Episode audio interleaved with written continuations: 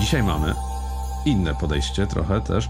I, I dzisiaj sobie wzięliśmy na warsztat komiks, który jest, e, rości sobie miano komiksu drogi, historycznego. E, komiks, który jest, e, dotyka jednego z największych kryzysów, który dotknął Stany Zjednoczone, czyli sytuacji, w której zazębi, zazębiły się kryzys ekonomiczny, bo to były przecież czasy wielkiego kryzysu, połączone też z kryzysem nieurodzaju, albo raczej z kryzysem wielkiej suszy, który w Stanach przybrał nazwę The Great Dust Bowl. Zresztą jest inny komiks traktujący o tym też.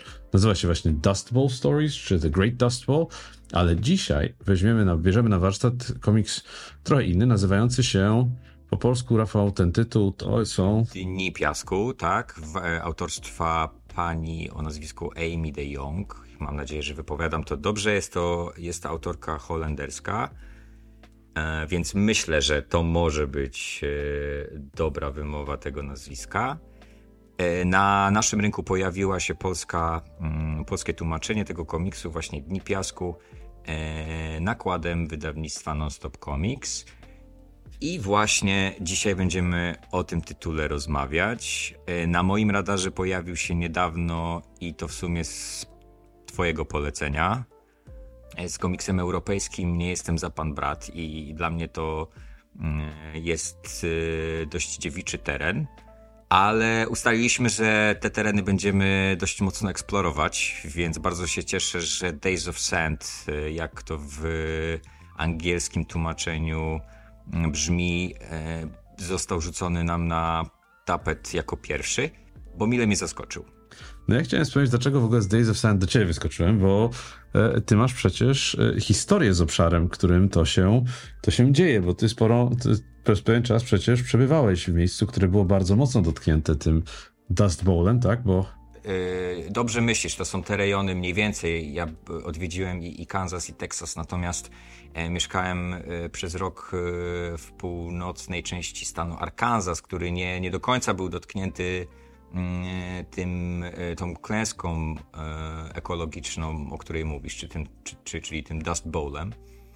Natomiast faktycznie, faktycznie te, te stany, które, które zostały nim dotknięte, odwiedziłem, miałem, miałem przyjemność widzenia tych miejsc, więc nie ukrywam, że ta te, ten klimat powieści, który, który, który wylewa się z, z, kart, to znaczy same, same miejsca oczywiście, one mi są znajome, te, te, te krajobrazy mi są znajome, oczywiście nie w tym wydaniu e, jakże dramatycznym, ale, ale faktycznie, e, faktycznie gdzieś tam się utożsamiam z nimi.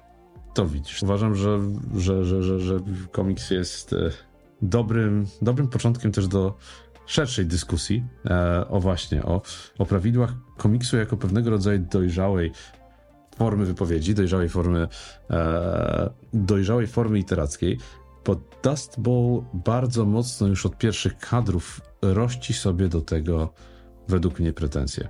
E, więc może zarysuję najpierw Dust Bowl, przepraszam, Days of Sand, e, bo jak dla mnie już pierwsze kadry pokazują, że nie mamy do czynienia z standardowym komiksem superbohaterskim, w którym od razu jesteśmy wrzucani w wir akcji, E, tylko mamy narysowany, mamy zarys jako czytelnicy. Zostajemy, dostajemy, e, zostaje nam przedstawiony właściwie taki bardzo literacko-filmowy e, establishing shot, tak? Tu masz wprowadzenie mm, w formie właśnie takich kadrów, bardzo fotograficznych zresztą, bo jak siedzisz w fotografii, to te kadry wprowadzające to są klasyczne zagrywki na E, na kompozycji fotograficzno-malarskiej. Masz Rule of Thirds, pięknie zagrane, masz e, horyzont, który, się, który nigdy nie jest po środku, tylko zawsze jest na którejś z tych linii właśnie e, dzielących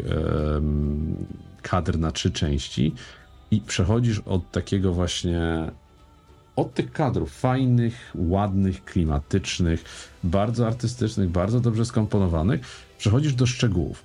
I wtedy, no właśnie, jak dla mnie ten komiks można podzielić przynajmniej obrazowo na dwie części. Na kadry typowo fotograficzne, i teraz sobie powiem, dlaczego one są typowo fotograficzne, i kadry narracyjne. I jedne z nich dla mnie działają, nie wiem, może ja mam taką wrażliwość albo taką wyobraźnię. Jedne z nich działają na mnie lepiej, inne odrobinę gorzej. Jak to jest z tobą, powiedz mi? Czy, czy, czy, czy podzielasz to zdanie, czy... czy, czy, czy... Wiesz co, czytasz mi w myślach. Y, pamiętam, jak rozmawialiśmy chwilkę przez telefon w zeszłym tygodniu, umawiając się na tą rozmowę y, i mówiłem tobie, że pewne rzeczy mi nie grają i właśnie jednym z elementów y, przynajmniej wizualnej kwestii jest właśnie to, że te kadry narracyjne, o, których, o które tak ładnie nazwałeś, one są troszkę słabszą częścią tej historii. To znaczy, widać, że autorce gorzej wychodzą e, rzeczy, które popychają akcję do przodu, czyli wszelkie kwestie związane z postaciami albo zbliżeniami.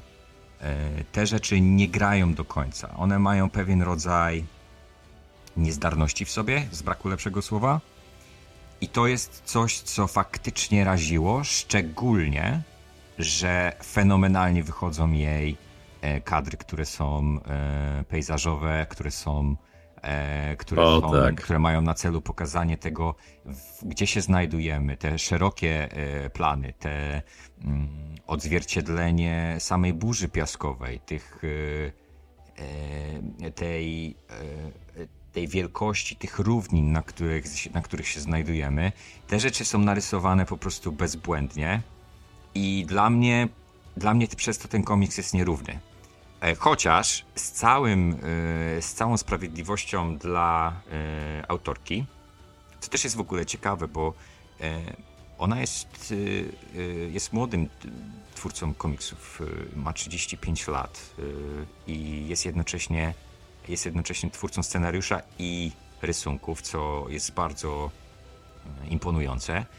Natomiast E, do czego zmierzam? Do tego, że jest ten komiks nierówny w warstwie wizualnej pod tym kątem, o którym przed chwilą wspomniałem, a jednak niektóre z tych e, kadrów, e, które, o których wspomnieliśmy, wychodzą jej szalenie dobrze.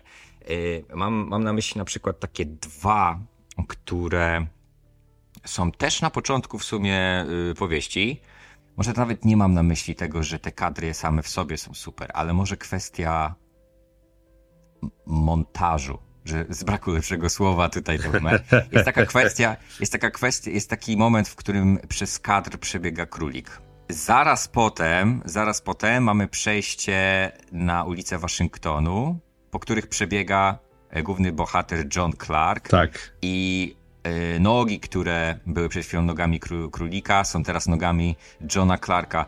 E, fenomenalne przejście. Jedno z takich, które bardzo mi się skojarzyło z montażem filmowym u Edgara Wrighta, który przecież pisze historię montażem, prawda?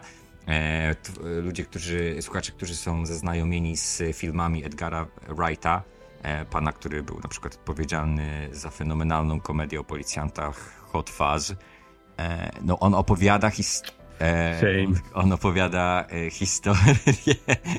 o tym możemy porozmawiać kiedy indziej, o e, opinii na temat tego filmu, ale, ale on opowiada historię montażem. I tu mi się bardzo skojarzyło to w tym, jak mhm. ona buduje, buduje kadry. I drugim, drugim, który przychodzi mi na myśl, to e, pięknie skomponowana strona, na której nasz bohater wraca do siebie, do mieszkania po tym, jak otrzymał pracę pięknie zbudowana strona, y, jak wchodzi mm -hmm. po mhm. schodach swojego apartamentu. Tak, tak. E, świetne zagranie czernią tak naprawdę i wy, wy, wy, tak. wypuklenie rzeczy, które się, które mają, e, które są ważne w tym kadrze. Ona jest bardzo, mm -hmm. Amy de Jong jest bardzo świadomą rysowniczką i to mi się szalenie podoba. Przy czym faktycznie reszta kadrów, które które przewijają się przez powieść, czyli na, na przykład te, które y, odzwierciedlają dialogi, tak? One są, rzekłbym, rzekłbym, że są nijakie, nie? W odniesieniu do reszty kadrów. Po prostu są, po prostu są, y, po prostu są bez wyrazu i myślę, że dlatego to tak mm, bije po oczach, ponieważ cała reszta jest fenomenalna. Tak, tak. I to jest, i to, i tu myślę, że właśnie bardzo, bardzo w bardzo trafnie zdiagnozowałeś problem tego komiksu. To nie jest to, że te kadry narracyjne są złe. to jest to, że masz do czynienia z kadrami, które są z tymi kadrami pejzażowymi, czy też tymi establishing shots, jak na, jak na to mówisz, które są przepięknie narysowane, które są narysowane w sposób bardzo filmowy. I z tym kontrastują kadry, które nie są aż tak filmowe. I dopiero na tle tych właśnie pięknych pejzaży, tych pięknych kadrów, e, e, tych pięknych kadrów establishing shots, one się gryzą.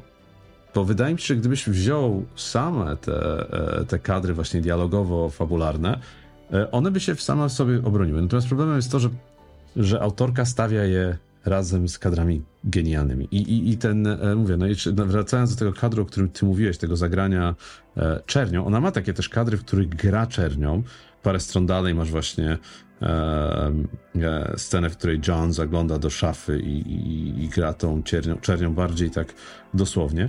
Ale to, co mnie w tych schodach, e, tej scenie schodach urzekło, to jest e, to jest przypis, to jest ta chmurka, która jest, że właśnie mówi przechodziliśmy właśnie przez największy kryzys ekonomiczny, który nawiedził, który kiedykolwiek nawiedził Amerykę.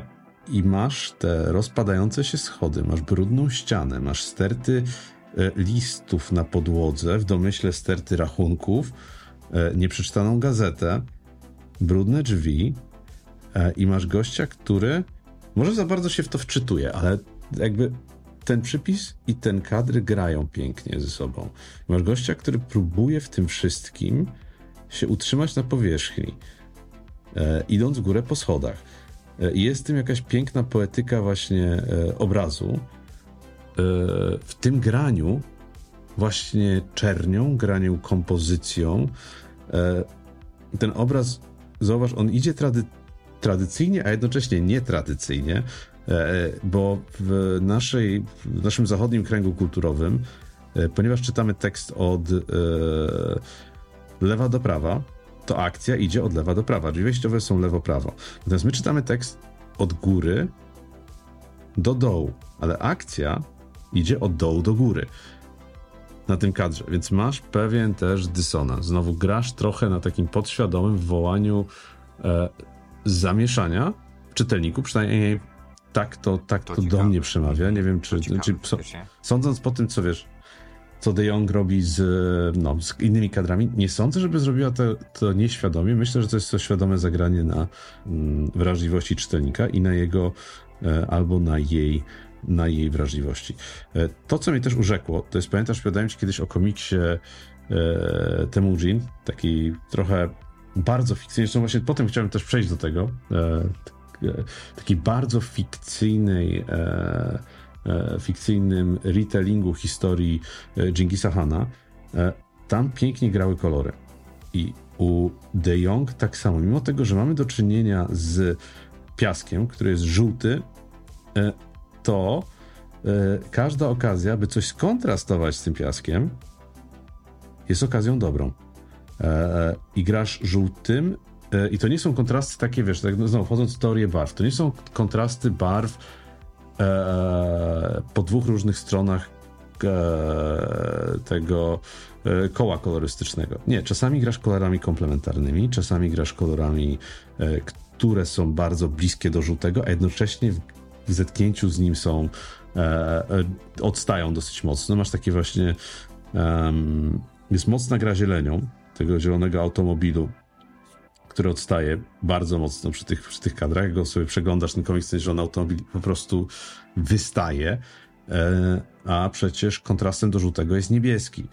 E, więc tu masz barwy komplementarne grające z nim. Masz, kom, masz grę pomarańczowym też w wielu kadrach, gdzie ta e, pomarańcza, chociażby użyta na ścianach domów, też pięknie gra. No i ponieważ to są lata 30., e, kolorowa fotografia, kolorowa fotografia dopiero raczkuje e, i raczej e, dziennikarz wysłany w rejon kryzysu ekologiczno-ekonomicznego nie będzie walczył z aparatem na trzy filmy i, nie będzie tego potem w postprodukcji robił i tak dalej, i tak dalej.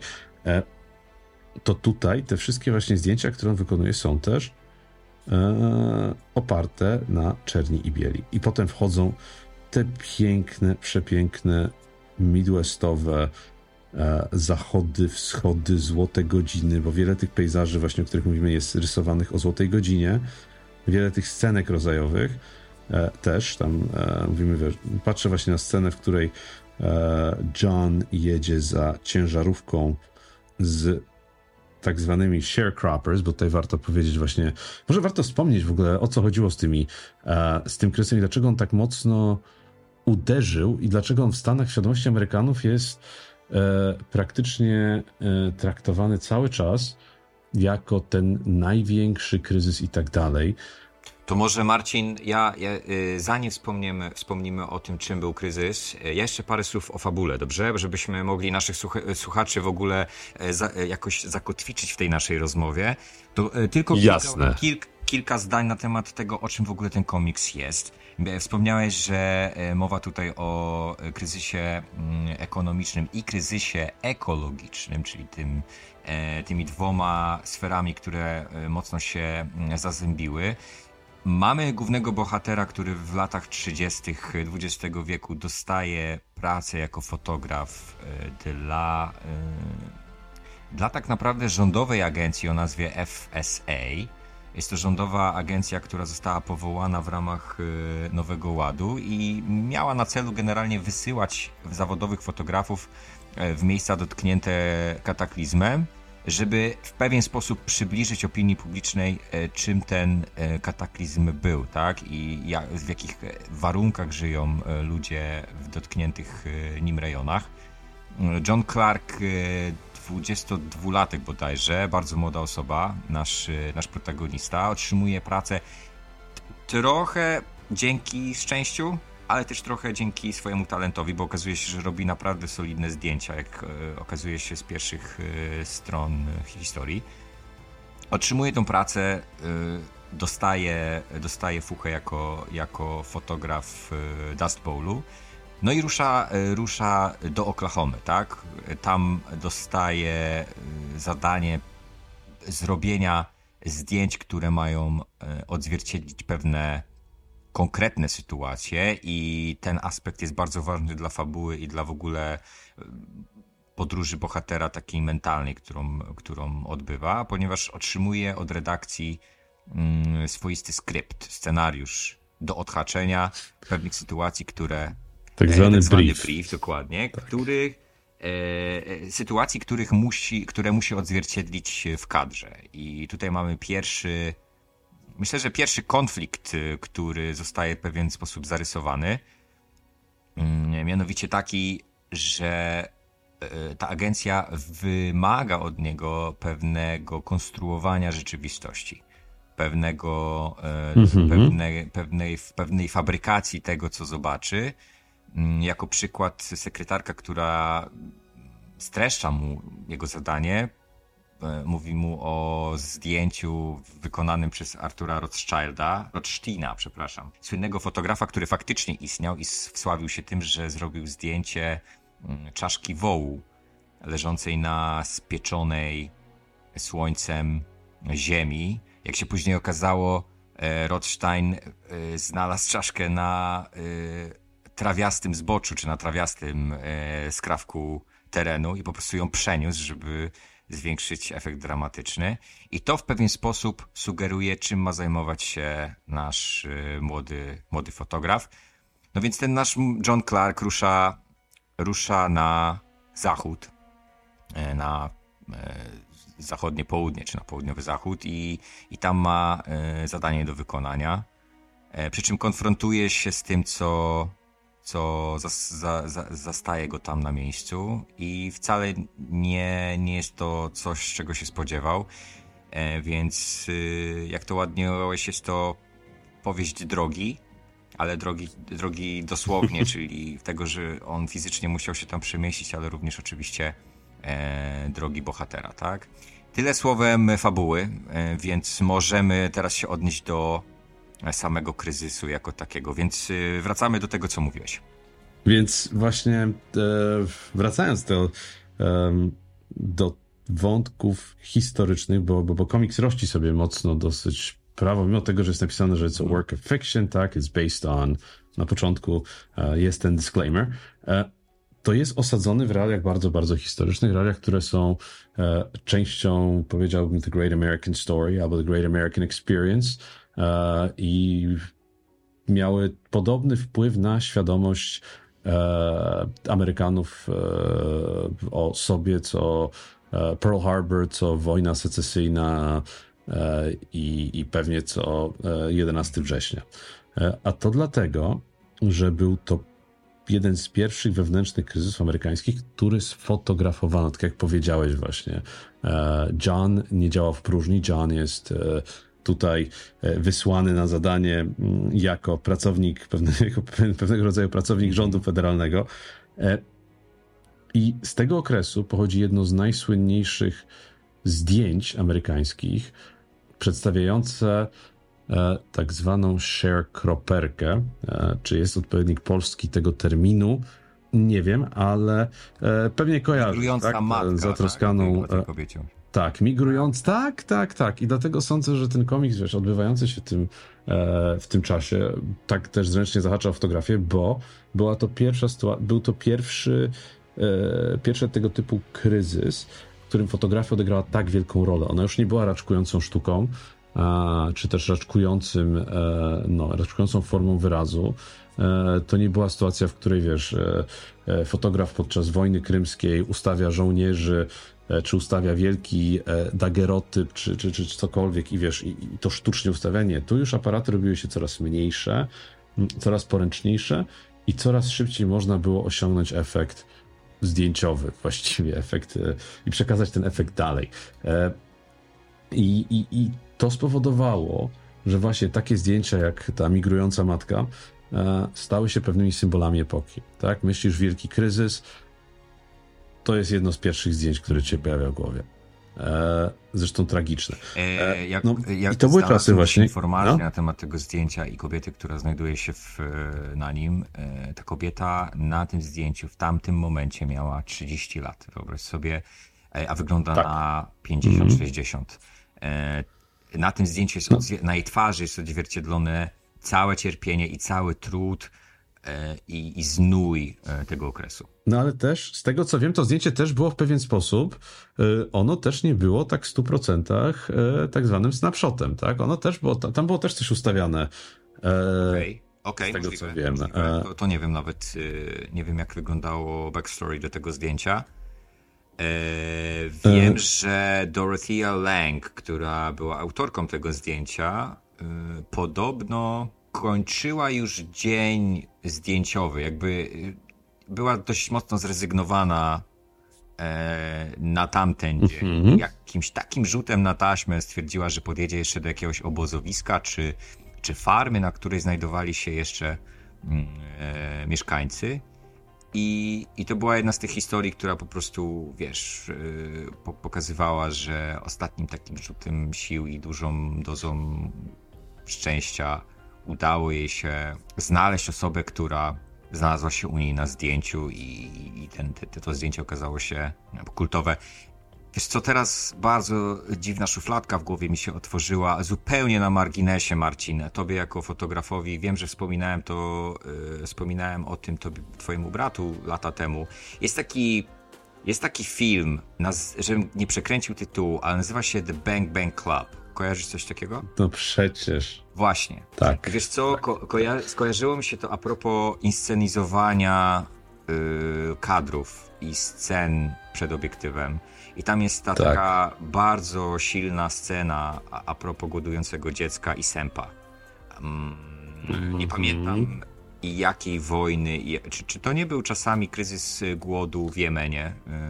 Yy, po, albo, w albo w Etiopii. Bardzo możliwe E, to była Etiopia, Afryka. to była Afryka. To była Afryka i to było, tak, tak. No to, to, to właśnie tak, ta, ta, ta szufladka mi się otworzyła a propos y, kolejnej historii, która mówi o fotografach, którzy stają przed dylematem tego, jak, jak, czy, czy fabrykować rzeczywistość, czy, czy y, odzwierciedlać ją taką, jaką jest. Więc y, słuchacze odsyłamy, jeżeli jesteście zainteresowani tym, y, tym tematem, The Bang Bang Club, pozycja absolutnie obowiązkowa.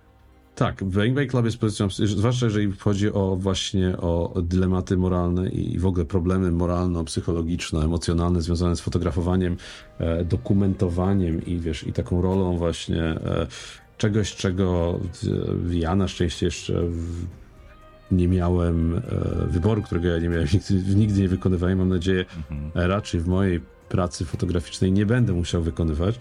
Niemniej, e, tak. Niemniej jest to wybór dosyć, dosyć trudny.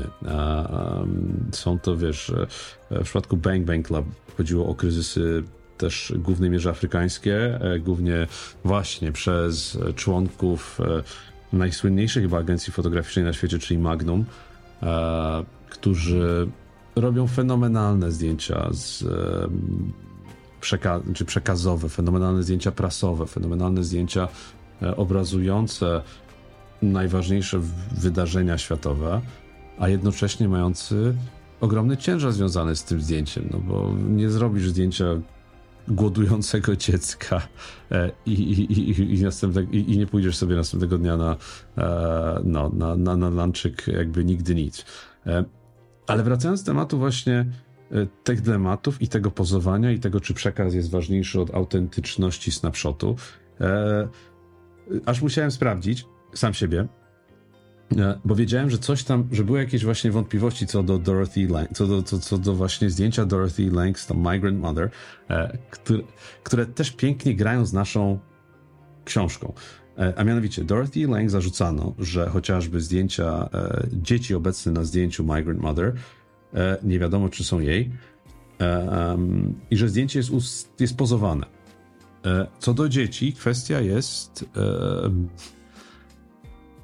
otwarta, nieznana, bo tak naprawdę nie wiemy, co to są za dzieci na tym zdjęciu, bo one na Migrant Mother są odwrócone tyłem. Ale do czego zmierzam? E, podobnie jak zdjęcie z czaszką, o którym wspomniałeś wcześniej, istnieją inne zdjęcia, wykonane zresztą też przez, przez Dorothy Lang, tej samej kobiety. W trochę innych pozach, trochę inaczej ustawione, więc zdjęcie na pewno jest pozowane. E, I to jest potwierdzone zresztą przez samą, e, przez samą fotografkę, która też mówiła, że jakby są one, też musiała ustawić, że to jest portret, to portret rządzi swoimi prawami, musiała ustawić e, osobę portretowaną do światła i tak dalej, i tak dalej. Co właśnie wkracza w teren dyskusji, którą wejdziemy przy, przy komiksie, nie? Bo tutaj też pojawiają się poza e, aspektami e, takiej skrajnej obiektywności, tak? E, tu masz tę scenę, jedną z pierwszych scen z, rodzino, z rodzinami, której udaje mu się zrobić zdjęcie. Tam poznaje, poznaje tę rodzinkę. E, i zaczyna ich ustawiać, tak? Mówi, że tata tutaj znika, tu mama idzie gdzieś, e, że właśnie, że gra płaczem tego dziecka. E, no i ten ojciec pewnie nie wytrzymuje. I mówi, że no, tu już aktorem on nie będzie i, i nie będzie się w te rzeczy bawił. I przypomnijmy tylko, jakby ustalmy, mhm. że tu nadal e, nasz bohater yy, idzie za tak, tak. Za, za briefem, który dostał, ma zrobić zdjęcie dokładnie rodziny, która. Tak, no mamy. Mamy burzę pyłową, tak, burzę piaskową. Tak. E, dzieci, dzieci, dzieci e, osierocone, rodzina pakującą się, w, w, wnętrze e, domu i zewnętrze domu, e, krajobrazy mm, pokryte pyłem oraz zakopane domy, e, rodziny z Dust Bowl i ich domy i tak dalej, i tak dalej. No i tak, tak. No, więc chłopak chce spełnić swoje zadanie. Dok dokładnie. I, ja, i, i, co jest też ważne w tym, e, w tym scenariuszu i w tym w ogóle, jak poznajemy Johna. E, nie wiem, czy miałeś te same odczucia, ale e, to nie jest zbyt sympatyczna postać na początku. E, to znaczy, można to zrzucić na karby jego wieku i nieopierzenia. Yy, można to zrzucić na, na, na karby tego, że chłopak chciał się wykazać za wszelką cenę. A może zwyczajnie yy, charakteryzowała go pewna doza ignorancji, ale tak brakowało mu pewnej refleksji na temat tego, jak może wyglądać życie ludzi na, w tych na tych terenach, dotkniętych w ogóle kryzysem e, pewna naiwność. No poza tym to jest zupełnie inny świat. Wiesz, to jest, on jest gościem, on jest e, gościem tak, z Nowego Jorku, który zawsze był. Dokładnie. Jakby, no miałeś Amerykę i miałeś Nowy Jork. I Nowy Jork zawsze był czymś zupełnie obcym tym tak. e, Amerykanom z, e, z tego tak zwanego, no, prawie że Heartland, a, a, a z kolei ci Amerykanie e, spoza Nowego Jorku uważali Nowy Jork, i do teraz uważają, że to jednak to, to, to, to, to, to z prawdziwymi Stanami to niewiele ma wspólnego. Więc, mm. więc tu były też takie animozje, ale tak, masz rację, on jest bardzo nieokrzesany, on jest bardzo, jest bardzo mało e, empatyczny. Nawet ta scena na początku, kiedy on biegnie na y, rozmowę o pracy, prawda? I po, uderza w chłopaka roznoszącego gazety, E, mówi takie znamienne słowa do niego, bo e, uderzyli w siebie. Chłopak, który roznosił gazety, rozsypał cały swój, mm, całą swoją torbę i jedynym wyjaśnieniem Johna było do niego uspokój się, nie, po prostu cię nie widziałem, tak? I to jest takie bagatelizowanie czyjegoś, yy, może nie tyle cierpienia, ale brak empatii dla, dla innych osób, tak? I i to buduje. Ja na początku się zastanawiałem, po co ta scena w ogóle? Dlaczego to się zadziało? A potem sobie uświadomiłem, że to był rodzaj ekspozycji na, na Johna, tak? To był rodzaj, mm, rodzaj pokazania nam, okej, okay, to mamy do czynienia z chłopakiem, który ewidentnie, ewidentnie nie widzi zbyt wiele poza swoim nosem, yy, spieszy się na swoją rozmowę o pracę i to jest coś, co go interesuje.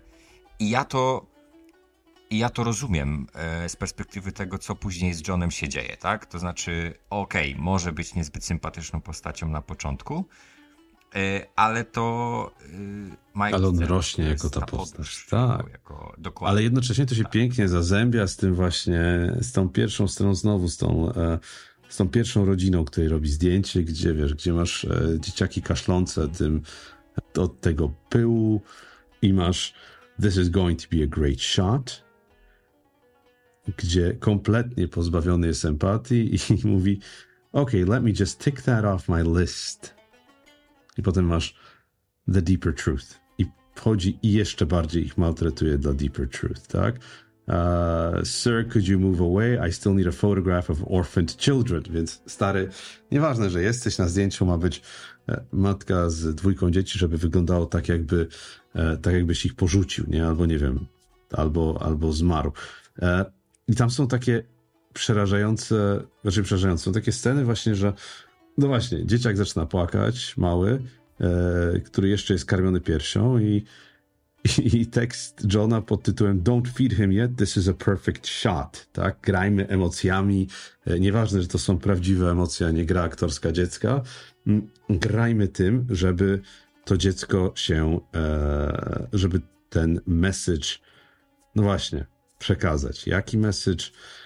No właśnie, e, ja myślę, że John był ofiarą, e, ofiarą swojej pracy po prostu i tego, jak bardzo nie mógł, e, jak bardzo, jak bardzo serio potraktował wytyczne przekazane mu przez pracodawców.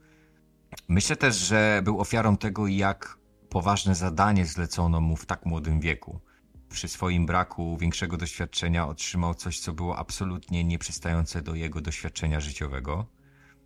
I dlatego też y, tak bardzo konfrontacja, którą e, miał z ludźmi e, w rejonie Dust Bowlu, była, była dramatyczna. Ja nie dziwię się absolutnie reakcji ojca, który powiedział, że nie będzie w tym uczestniczył. Co więcej, trochę dziwię się nawet, że nie złoił mu dupy E, przed wszystkimi nie tak. wygonił ze swojej posesji, bo e, ja. ten ojciec ostentacyjnie zwyczajnie odchodzi poza kadr, gdzieś tam za dom, a to w jaki sposób ten e, nieopierzony gówniarz z Nowego Jorku przyjeżdża i rości sobie prawo do ustawiania ludzi przed kadrem, kiedy ci cierpią prawdziwy głód, E, no, tylko i wyłącznie y, zasługiwało na y, wywalenie z posesji i, tak. i to była naprawdę łagodna reakcja, więc, więc tutaj trochę trochę oczekiwałbym większej, większych czy bardziej poważnych kroków ze strony ojca, nie? Wiesz, e, ich cierpienie dla niego jest po prostu sposobem na, e, na wykonanie zadania. E, I z tak. jednej strony e, jest to sentyment, um, który też może być, ale to przy starszych, nie przy dzieciakach, które wykonują takie zdania. Mówimy o 22-letnim człowieku, który wcześniej pracował dla Chociaż może, skoro doświadczenie ma z lokalnym paperem w Nowym Jorku, to może też być jego tak zwany coping mechanism, nie? Myślisz, tak. że mógłby to być e, rodzaj dystansowania się i próby poradzenia sobie, tak? Myślę, że, mo, że, że, że, można by go tak wytłumaczyć, e, ale sądzę, że narracyjnie bardziej pasuje nasza interpretacja, że, że, że zadanie było najważniejsze i dopiero Jasne. potem pewne rzeczy je zmieniły. E, I no właśnie, spotkanie z Betty Harrison, nie? No właśnie, tak. to jest bardzo, bardzo duży aspekt fabuły. Myślę, że powinniśmy o tym wspomnieć, bo jednak tak. on jest bardzo przełomowy dla naszego bohatera, jak i dla Betty tak naprawdę, ponieważ e, oni siebie znajdują e, no, na dosłownym pustkowiu, tak? tak? John łapie, e, John łapie niezbyt komfortową sytuację, zakupuje się w piachu, nie może się wydostać.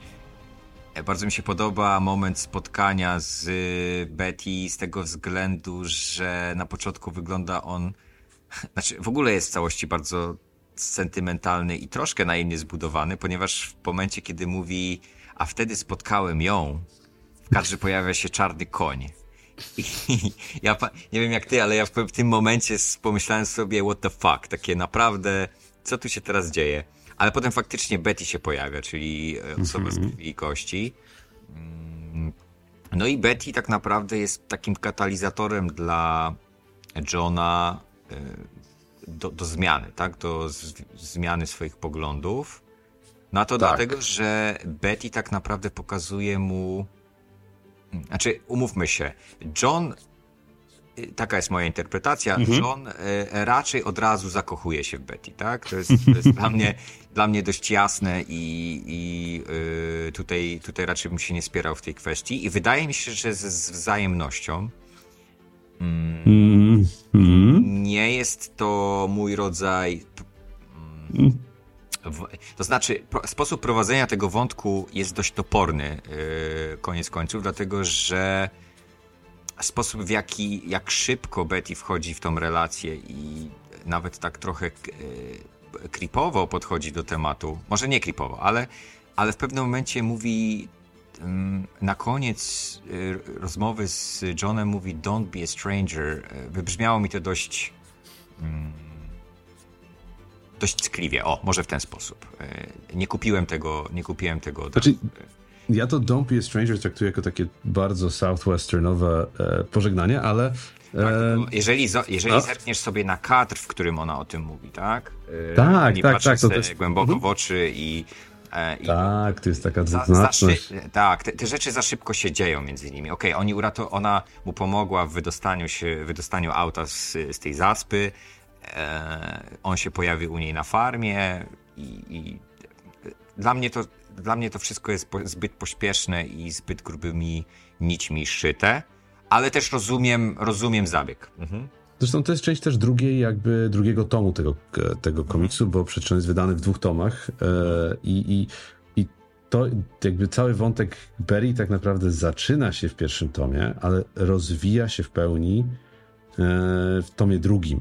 E, I, i te zdjęcia właśnie to prawda tak, i te kadry z nią związane i tak dalej, e, i kryzys wewnętrzny Johna. I, i, i tu się właśnie jakby, no, nie wiem, ja chyba ostatnio robię się bardzo e, strasznym snobem, jeżeli chodzi o fabułę, bo właśnie jestem po przeczytaniu e, książki Alexa Garlanda, która nazywa mhm. się The Tesseract i Alex Garland napisał książkę? Alex Garland, autor Ksio- ten autor... Alex Garland? Ten od... Który ten? Ten od Devs, ten od e, Annihilation, e, a reżyser filmowy. English novelist and filmmaker. Tak. A on napisał tak. książkę The Beach. The Beach, The Beach z Leonardo DiCaprio? Tak. On napisał książkę, na podstawie której nakręcono, nakręcono film. Tak, najpierw była książka, a potem był, a potem dopiero był film. Ale Garland napisał The Beach. Tak. I ja no. The Beach przeczytałem. The Beach no. było powieścią, która mnie urzekła. E, zresztą Boyle bardzo fajnie ją oddaje też, e, też filmowo. Mhm. I jak zobaczyłem kiedyś, zresztą, to znaczy, ja jestem kompulsywnym kupowaczem książek e, w tak. second handach. Tak. E, zwłaszcza jeżeli mam takiego pingwinka gdzieś na, e, na rogu e, albo na okładce, bo, bo, bo, bo jestem pod tym względem uprzedzony i poza tym Poza tym bardzo, bardzo lubię tych, e, lubię takie wydania. E, więc gdzieś tam w moich second-handowych podróżach wpadła mi w ręce e, powieść The Tesseract Alexa Garlanda i po moich przejściach z tą, z właśnie The Beach, którą uwielbiałem tę książkę, wziąłem The Tesseract, kupiłem i ona tam, i ona dojrzewała jak, jak, jak, jak wiesz, jak no właśnie, chyba za długo dojrzewała na mojej półce, bo jak ją wziąłem przeczytałem, to nie siadła mi zupełnie z powodów podobnych, do których nie siadł mi ostatni akt e, Days of Sand. To było zbyt przewidywalne i zbyt sentymentalne. Oj, e, uderzyłeś w bardzo dobre. The Tesseract mhm. jest powieścią, która buduje się na tym, że e, zjawisko Tesseractu polega na tym, że jest to trójwymiarowe przedstawienie czterowymiarowej bryły. Mhm. I czegoś, co mimo tego, że nie wiesz, jak to, jak to ładnie jest ujęte w książce, mimo że nie wiesz, jak to wygląda, czujesz, jak wszystko do tego prowadzi. E, I Tesseract to jest historia, e, która dzieje się w, z tego co wiem, w Manili. E, jest to historia, połączenie historii gangsterskiej, historii rodzinnej, i świata, w którym wiele zdarzeń, zderza, wiele światów zderza się ze sobą, e, ale podobnie jak w przypadku Days of Sand, w pewnym momencie domyślasz się, że tego Johna dotknie kryzys. Tutaj w Tesseractie wiesz, co się wydarzy. Ja nie cierpię.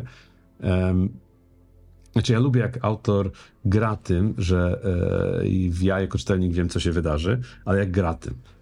E, nie cierpię, jak ktoś pisze fabułę w sposób tak bardzo przewidywalny, że jak czytasz kolejny kadr, to wiesz, co się stanie i już wiesz, że więcej poza twoim wyobraźnią się, się nie wydarzy. E, I tutaj to mnie jakby e, uderzyło w tym, w tym finalnym akcie, że to było, że ta, te, te sytuacje, tam, e, które tam są przedstawione, są bardzo, bardzo przewidywane, są bardzo, bardzo mocno wprowadzane taką rzeczą, którą właśnie e, bardzo lubią robić amerykańscy autorzy, już bardziej w powieściach. Mm, tu patrzę chociażby na e, Hotorna i na Szkarłatną Literę. Foreshadowing.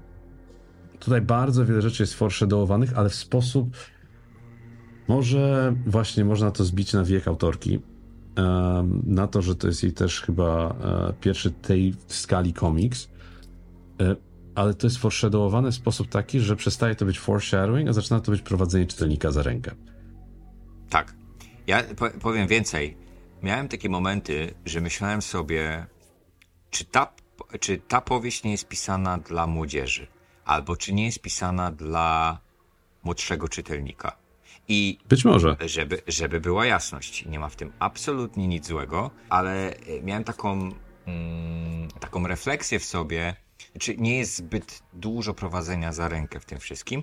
I, i mo, może z mojej strony komentarz na temat mhm. e, powieści dla młodzieży też jest krzywdzący, bo absolutnie nie uważam, że że dzieciaki powinny być prowadzone za rękę w tym, jak odbierają y, powieści. Natomiast widziałem w tym wszystkim pewien rodzaj prostoty albo. Ale wiesz, prostota może być dobra. E, do tak, prostoty. Tylko, no. tylko e, do, zmierzam do tego, że e, może nawet prostota, może prostota to też złe słowo, ale. Uproszczenia? Uproszczenia. O, może w ten sposób. Tak, to, to lepiej mhm. oddaje, o, tak. o co mi chodziło. Do tego stopnia, że wszyscy, nawet z Johnem Clarkiem, nie powiem, nie, nie, nie, nie będę się bał powiedzenia tego słowa, że wszystkie postacie w tej historii, przy czym John Clark prze, chyba jest najgłębszą postacią w tej, posta- w tej historii, ale mhm. wszystkie osoby w tej historii, mam wrażenie, są bardzo tekturowe. no. Op oprócz zarysu historycznego i yy, oprócz zarysu historycznego, tam nie ma mięcha dla mnie.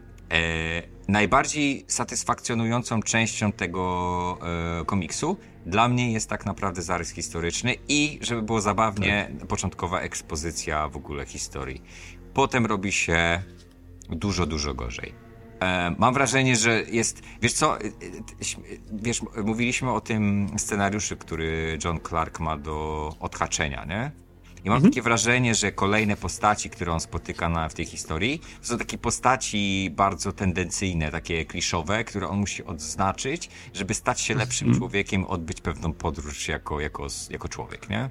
I tak. to jest strasznie, strasznie dojmujące. No, spodziewasz się po historii, która mówi o jednym z największych kryzysów w Stanach Zjednoczonych, e, spodziewasz się czegoś, co, co cię uderzy mocno, tak? Co, co, mhm. y, co sprawi, że zaczniesz myśleć o tym e, w sposób y, głębszy. Natomiast ja tutaj takiego e, pola do e, głębszej refleksji nie miałem.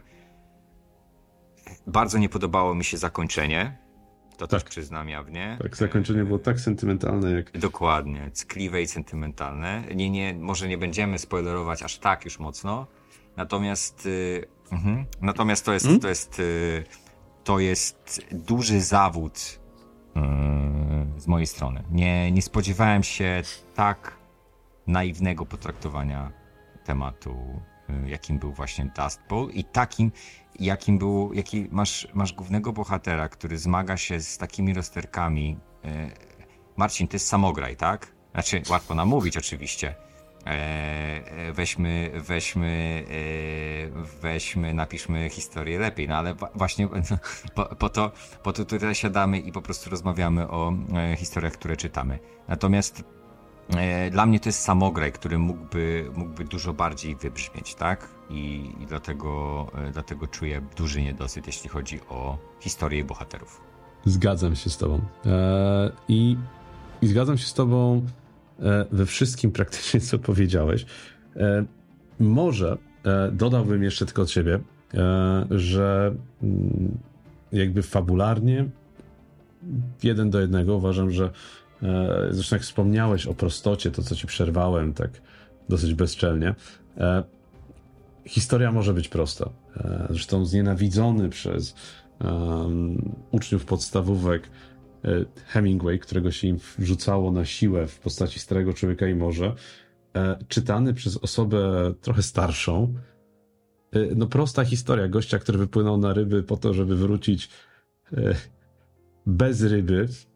No jest to prosta historia, a jednocześnie jest to tak urzekająca prosta historia i proste postacie są tak urzekająco napisane, że nic więcej nie trzeba. Tutaj E, te postacie są. Ja czułem się trochę tak, jakby e, autorka, podobnie jak John, miała listę do odhaczenia i sobie odhaczała. I nie mam jej tego za złe. E, znaczy, mam jej za złe trochę zakończenie, bo być może nie jestem też targetowym czytelnikiem tego komiksu, ale przy takim nałożeniu talentu wizualnym, przy E, takiej umiejętności konstruowania historii e, samym rysunkiem, to co się dzieje na końcu tego komiksu jest dla mnie bardzo mocno straconą okazją do zabłyśnięcia, bo co by nie mówić, Amy, e, to co mówiliśmy na początku, zresztą myślę, że to będzie piękna klamra też kończąca, Amy genialnie radzi sobie z kompozycją, zwłaszcza scen szerokich pejzaży, E, gra pięknie kolorami. Ta historia miała wielki potencjał. Natomiast rozbiła się w ostatnim akcie, który zrobił się sentymentalny. Rozbiła się na e, kreacji postaci, e, bo um, bo właśnie ten, ten rozwój Johna od gościa, który zadaniowo robi, nie zbacza na to, że dziecko płacze, tylko ma być zdjęcie zrobione i koniec, do gościa, który jest, e, który odkrywa samego siebie i niczym Don Draper prawie wchodzi do e, e, z tą ekipą od Coca-Coli w ostatnim sezonie Mad Menów. Mi się to właśnie trochę tak skojarzyło, ten jego rozwój trochę z Donem Draperem. Wiesz, jakby nie przekonuje ten rozwój tutaj. E, za mało jest tego motoru, który by go pchnął do tego, żeby, e, żeby było to autentyczne, przynajmniej dla mnie. E, natomiast to, co to, co zasugerowałeś, że jest to, może to być komiks, rodzaj komiksu edukacyjnego, e, myślę, że, że, że, że, że jest to jak najbardziej prawdopodobne. Jeśli tak jest, jeśli tak jest, to robi całkiem niezłą robotę, tak? Umówmy się. Mhm, tak, to w tym celu, w tym działaniu jest, spełnia swój cel. Zresztą mówię, potem e, te wszystkie didaskalia, te wszystkie przypisy późniejsze, ten, ten, to użycie zdjęć realnych, prawdziwych, autentycznych zdjęć z tamtego okresu, e, plus właśnie te opisy, które są właśnie e, dodatkiem, czynią z tej książki, czynią z tego komiksu właściwie, bardzo fajne źródło popularno-naukowe. I może tak trzeba ten komiks rozumieć, bo to nie jest tak, że dla mnie ten komiks jest jednoznacznie e, zły czy jednoznacznie dobry. Nie, uważam, że on ma e, swoje bardzo, bardzo głębokie zalety, kadry e, oraz fakt tego, że przedstawia europejskiemu czytelnikowi coś, co nie do końca u nas się, nie do końca u nas jest tak dobrze znane, mimo tego, że literatura bardzo, bardzo, bardzo się Dust Bowlem interesuje. Zresztą, no, czyli Dust Bowlem, w ogóle tym wielkim kryzysem gospodarczym, bo e, mi się to skojarzyło trochę z próbą nawiązania do Grapes of Wrath. No tak, no grona, wiek, e, grona gniewu to aż się po prostu proszą o, o przypomnienie, prawda? Tak, i, i, i mówię, jakbyś sobie wziął w Stanach to jest oczywiście sztampa, tak? Każdy zna Grapes of Wrath. Powinien znać Grapes of Wrath, to jest trochę jak naszych, naszych chłopów czytaj, każdy powinien, ale prawie nikt, znasz kogoś, kto przeczytał wszystkie tomy chłopów, bo na palcach jednej ręki e, poszkodowanego pracownika Tartaku mogę takie osoby policzyć, ale, ale jest w Grapes, ale jest to miejsce, jest to, mówię, jest to, e, jest to wydarzenie na miarę, myślę, że można użyć tego określenia e, nation buildingu amerykańskiego, które w Europie jest traktowane trochę na zasadzie, e dobra, była jakaś susza, tam spoko, było zdjęcie jakiejś kobiety z dziećmi, okej, okay, spoko, lata 30., no wszędzie, wszędzie było ludziom w latach 30., no whatever, nie? Mhm. E, I tak do tego mniej więcej podchodzi przeciętny europejski czytelnik. Ten komiks ma, ma szansę wiele z tego zmienić, e, bo, bo, bo, bo mimo właśnie swojej trochę naiw, swojej naiwności e, jest on na tyle przekonująco wydany wizualnie, że Zresztą tutaj wchodzimy też w tą, tą rozmowę, którą mieliśmy wcześniej e, na temat Edgara Wrighta i, i, i narracji montażem. Tak. E, jak weźmiesz, odrzucisz tę tkliwą fabułę na końcu i polecisz sam obrazkowo, obrazek, obrazek, obrazek, obrazek i historię przeczytasz jako e, serię obrazków, to ona się obrazkowo trzyma. Bardzo. Masz i masz, jakby ma, wiadomo, z tymi wszystkimi zarzutami, że te obrazki, opisy przedstawiające e, rozwój fabuły nie są aż tak dobre jak, e, jak te kadry właśnie fotograficzne, ale obrazkowo one się wiele bardziej trzymają niż tekstowo, e, niż, niż fabularnie. I obrazkowo ja to łykam. Fabularnie, no mam nadzieję, że, że, że pani De Jong wyda jeszcze inne rzeczy, że rozwinie się artystycznie i rozwinie się autorsko, bo ma ogromny potencjał. Natomiast fabularnie Days of Sand nie do końca kupuje obrazkowo jak najbardziej. Ja e, podzielam jak najbardziej, dlatego że w e, pani De Jong widz, widzę ogromny, ogromny talent i szczególnie rysunkowo. Dla mnie, dla mnie ta historia przede wszystkim kadrami i rysunkiem siedzi. Do tego stopnia, że faktycznie no, tam są momenty, momenty genialne. Dla mm -hmm. mnie to jest y, sposób opowiadania historii y, ka kadrem y, czy planszami. Jest jeszcze jedna plansza, która bardzo mi wryła się w, mm -hmm. w mózg, o której nie wspomniałem. Mianowicie jak on wyjeżdża z Nowego Jorku. Y, to mi się skojarzyło z dawno, z dawno temu w Ameryce, z, ze Scorsese, z, z w ogóle zbudowaniem kadrów tak filmowo tak. w, latach, w latach 70. To, to było piękna rzecz po prostu. Jakbyś oglądał, jakbyś oglądał rysunkową interpretację fotografii. Amy de Young e, umie rysować, umie e, budować historię za pomocą kadrów. I to jest, e, to jest coś, co mm, do mnie przemawia. Niestety, e, tak jak, ty, tak jak wspomniałeś, i bardzo to zazębia się z moim widzeniem tej historii, fabularnie jest jest po prostu zbyt płytko. To jest mój największy zarzut. Mimo tego, że ta podróż bohatera y, ma miejsce, ten, ta, ta metamorfoza jego widzenia świata i tego, kim on się staje na końcu, jak najbardziej, ale wychodzi to wszystko dość topornie z racji tego, że nie ma tej głębi po prostu. Ja odwiedziłem sobie stronę y, Amy DeYoung i ona zrobiła coś, co się nazywa y, Blossoms in Autumn. I to jest coś, co bardzo do mnie przemówiło. Y, widziałem kilka plansz tylko z, z komiksu. E, jest to historia pary ludzi koło 60 czy po 60, którzy odkrywają na nowo miłość i na nowo swoją seksualność. E, wygląda to bardzo ciekawie. E, pod względem rysunkowym bardzo przypomina właśnie, w, właśnie y, Dni Piasku. Mhm. Bez oczywiście y, jakichś wielkich plansz krajobrazów, bo jest to historia dużo bardziej intymna, ale e, sam przedmiot, przedmiot fabuły jest bardzo intrygujący, czyli odkrywanie swojej seksualności w tak późnym wieku. Więc widać, że, że ta autorka dotyka spraw dość trudnych i, i takich nie, nie, nie, nietypowych, więc bardzo jej e, bardzo jestem jej ciekaw i myślę, że tak. sprawdzę tak. też Blossom Zynotum. Co więcej, widzę też na jej stronie, że na 2024 rok została zapowiedziana adaptacja komiksowa Władcy Much. Mm-hmm.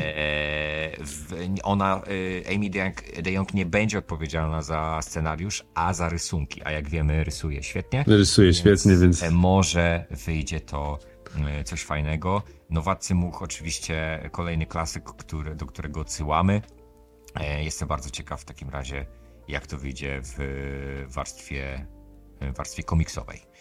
Ja również, ja również. Myślę, że powinniśmy mieć na radarze pan, panią De Jong e, e, właśnie z tego powodu, że e, dla mnie bardzo zbudowała mi apetyt tymi dniami piasku, natomiast biorąc pod uwagę pewne, pewne mankamenty, nie jest to do końca moja historia, co nie zmienia faktu, że czytałem się z dużym zaciekawieniem i, i z pewną frajdą. Z ogromną frajdą, tak, tak. Ja mam, zresztą ja, ja po Dniach Piasku, mimo tego wszystkiego, co powiedziałem negatywnego o, tej, e, o tym wydawnictwie, e, tak jak mówisz, Blossoms in Autumn e, jest czymś, co, co bardzo chętnie przeczytam jako taką właśnie historię bardziej intymną. Ona też właśnie narysowała The Return of the Honey Buzzard. E, nie wiem, to jest też pewnie jakieś nawiązanie historyczne, musiałbym zobaczyć. E, I to jest jej debiut. I to jest coś, co chciałbym przeczytać. Taxi, Stories from the Backseat. Taxi to jest jej autobiografia. To są e, sytuacje z taksówek. Sześć czy siedem sytuacji, które ona odbyła jadąc. Jadąc Coś jak Night on Earth. Coś jak Night on Earth. Jarmusz, dokładnie, jak Night on Earth. Więc, ja jestem kupiony, jeżeli to jest Jarmuszowskie, to, to, to, to jestem kupiony, bo lubię takie historie. 60 Years in Winter. Nie, generalnie Powiem ci tak, e, ja e, po Days of Sand jak najbardziej w dalsze rzeczy jej e, właśnie ze względów choćby wizualnych wchodzę, ślep, wchodzę na ślepo. Zdecydowanie, zdecydowanie e... jesteśmy za i dopingujemy pani De Jong e, w stu procentach. Tak, w kolejnych e, etapach. Także Rafale, ja Ci dziękuję za tę jakże odkrywczą, rozmo odkrywczą rozmowę po raz kolejny. I vice versa, bo, bo dziękuję Ci za za rekomendację, bo dzięki Tobie tak naprawdę e, Dni Piasku przeczytałem. No i tak naprawdę dzięki Tobie zaczynam zerkać przychylniejszym okiem na komiksy europejskie w ogóle, więc e, ciekawa to może być przygoda.